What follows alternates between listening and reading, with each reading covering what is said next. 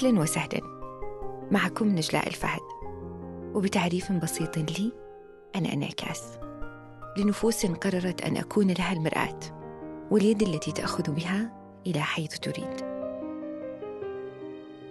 سنين طويلة قضيتها في سماع القصص والحكايا ولا زلت وها أنا اليوم أقرر أن أشارككم مواضيع تشبهنا فجميعنا يحتاج أن يرى انعكاسه أحياناً.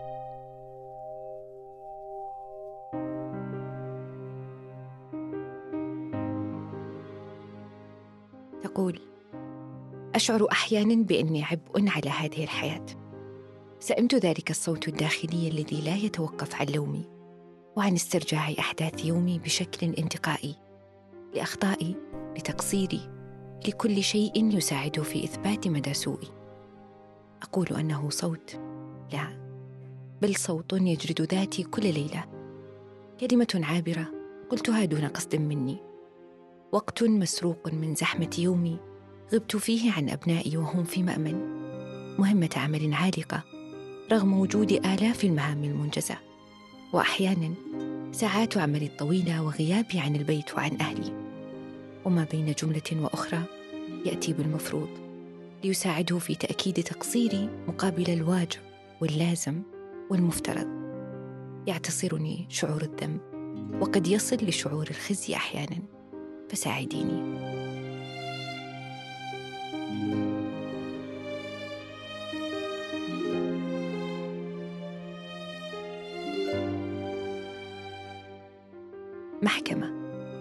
مقرها بين عقل وقلب وروح بين جلاد ومحامي والمتهم فيها أنت. تدور في رأسك كل ليلة حتى يسرقك النوم منهكا. وهنا أحكي عن الناقد المرضي وهو مصطلح وضعه عالم النفس أوجين حيث عرفه بأنه ذلك الصوت الداخلي السلبي الذي يقوم بمهاجمتك وإصدار الأحكام عليك. ولدى كل منا صوت داخلي ولكن الناقد المرضي اللا عقلاني يكون أعلى صوتا وأكثر قسوة لدى الأشخاص الذين يمتلكون قدرا ضئيلا من تقدير الذات.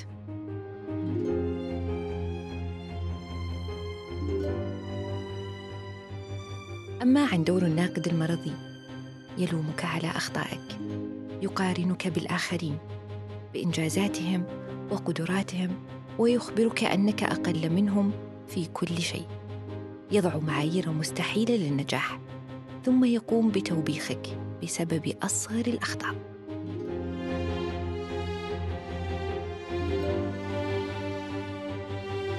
يحتفظ بسجل بنقاط ضعفك وبالمواقف التي تعرضت فيها للفشل. وفي المقابل لا يذكرك ولو لمرة واحدة بمواطن قوتك وإنجازاتك.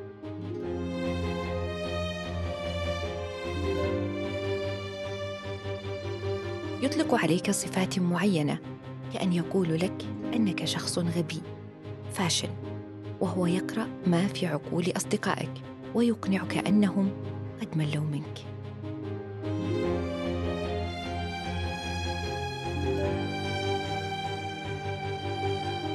ويعتبر إضعاف تقديرك لذاتك في كل يوم من أيام حياتك الشغل الشاغل للناقد المرضي.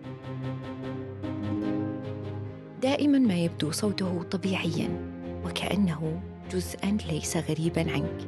والحقيقة أن هذا الناقد عبارة عن وحش نفسي يقوم في كل هجوم بإضعاف وتعطيل أي مشاعر طيبة تكنها لذاتك.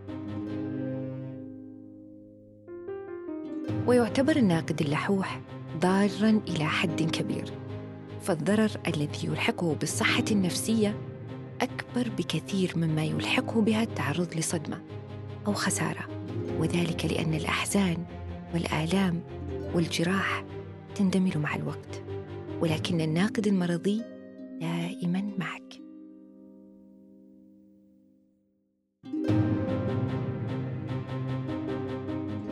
ولكي تستطيع التصدي له لا بد من فهم طريقته. يستخدم قيمك ضدك. يقارنك دائما بين ما كان يجب أن تعمل وما عملته بالفعل. يتكلم باختصار. فيكفي أن يلفظ كلمة كسول فتذكرك هذه الكلمة الصغيرة بمئات المواقف التي سمعتها فيها ويشعرك بنفس الألم.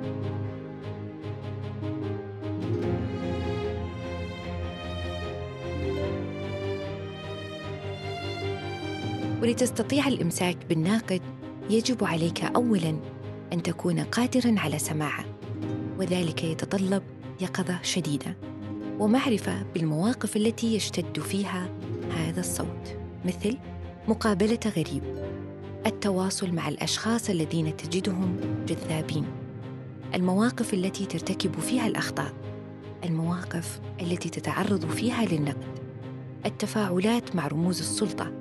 المواقف التي تجازف فيها بالرفض أو الفشل.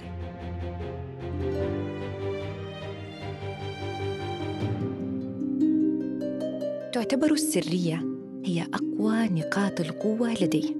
لذا إذا نجحت حقا في سماعه والتعرف عليه فإنك سوف تنتصر عليه انتصارا ساحقا. ولا يستطيع ناقدك المرضي أن يتصدى لحبك لذاتك. وتقديرك لها. لذلك لا بد لنا من الحديث عن مفهوم حب الذات لأنه درعك الحصين وسلاحك الذي تواجه به كل صعوبات حياتك.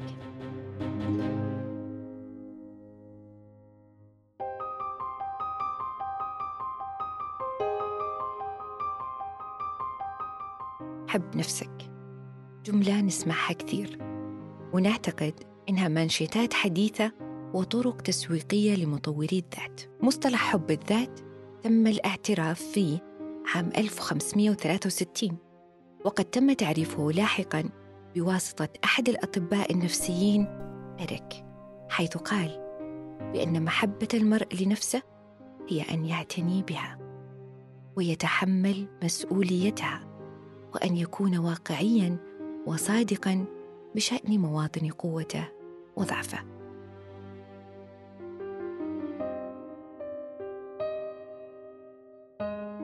وعلشان نكون عمليين وما تنتهي هذه الحلقة بدون خطة تستطيع تطبيقها سجل معي.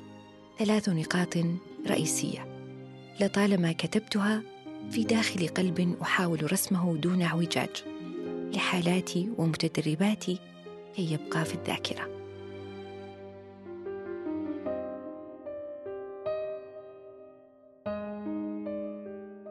التقبل والتعاطف والتسامح. ولا تنساها ابدا. أما التقبل فتعريفه العلمي وقبول الفرد لجميع سماته وصفاته. إيجابية كانت أم سلبية؟ ويعني تقديرك لصفاتك الجيدة وتقبل الصفات التي تحتاج لتحسينها. عكسها انتقاء السلبيات والتعميم وإطلاق الأحكام والصفات. فكما يعرف الحب هو تقبل لا مشروط. ما هو الشرط الذي وضعته كي تستطيع حب ذاتك؟ هل جعلت حبها مشروطا بنزول وزنك أو إكمال دراستك أو التزامك بالتمارين الرياضية أو قدرتك على ضبط انفعالك؟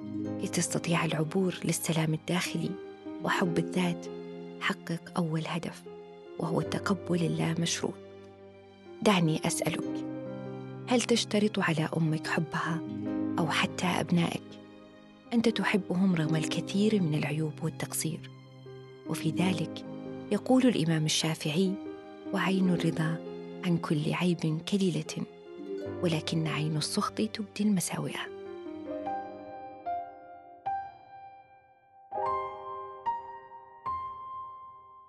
أما التعاطف فليس الرثاء لها ولا دوران في فلكها. بل هو رؤية الأمور كما هي تماما لا أقل ولا أكثر.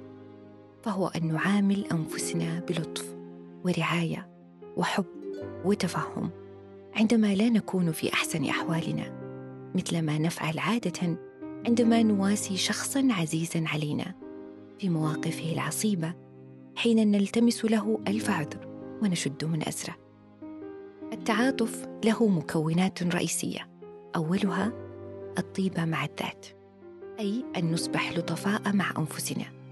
وثانيها الإنسانية المشتركة التي تعني أن ندرك أننا لسنا وحدنا من يخسر ويفشل ويرتكب أخطاء ويواجه بالرفض بل أن ذلك جزءا أساسيا من التجربة الإنسانية المشتركة.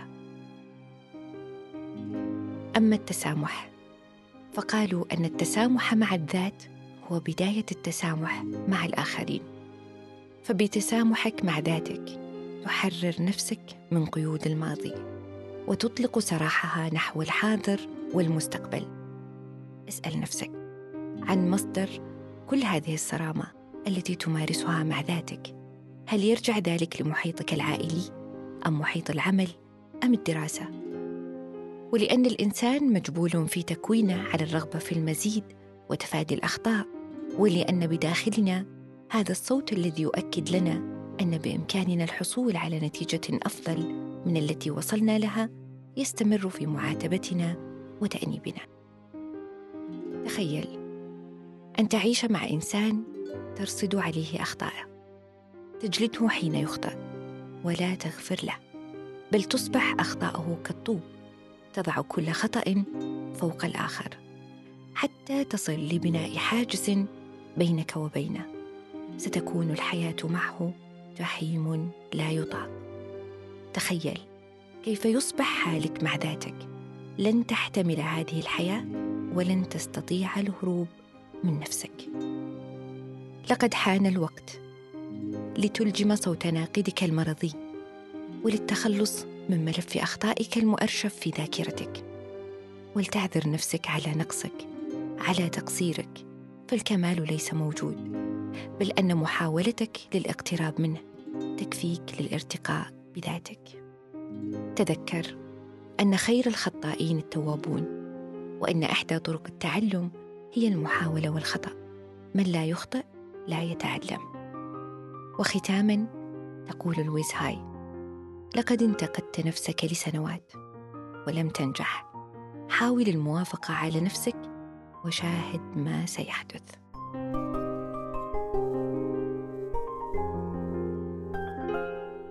وأنا أقول حبا في نفسك سامحها تقبلها وكن لطيفا معها. كي ينعكس ذلك على كل ما حولك. فتجد الحياة تعطيك الحب بجميع أشكاله. وتجد نفسك متصالحا مع هذه الحياة. قادرا على التحليق لكل أحلامك وأمنياتك.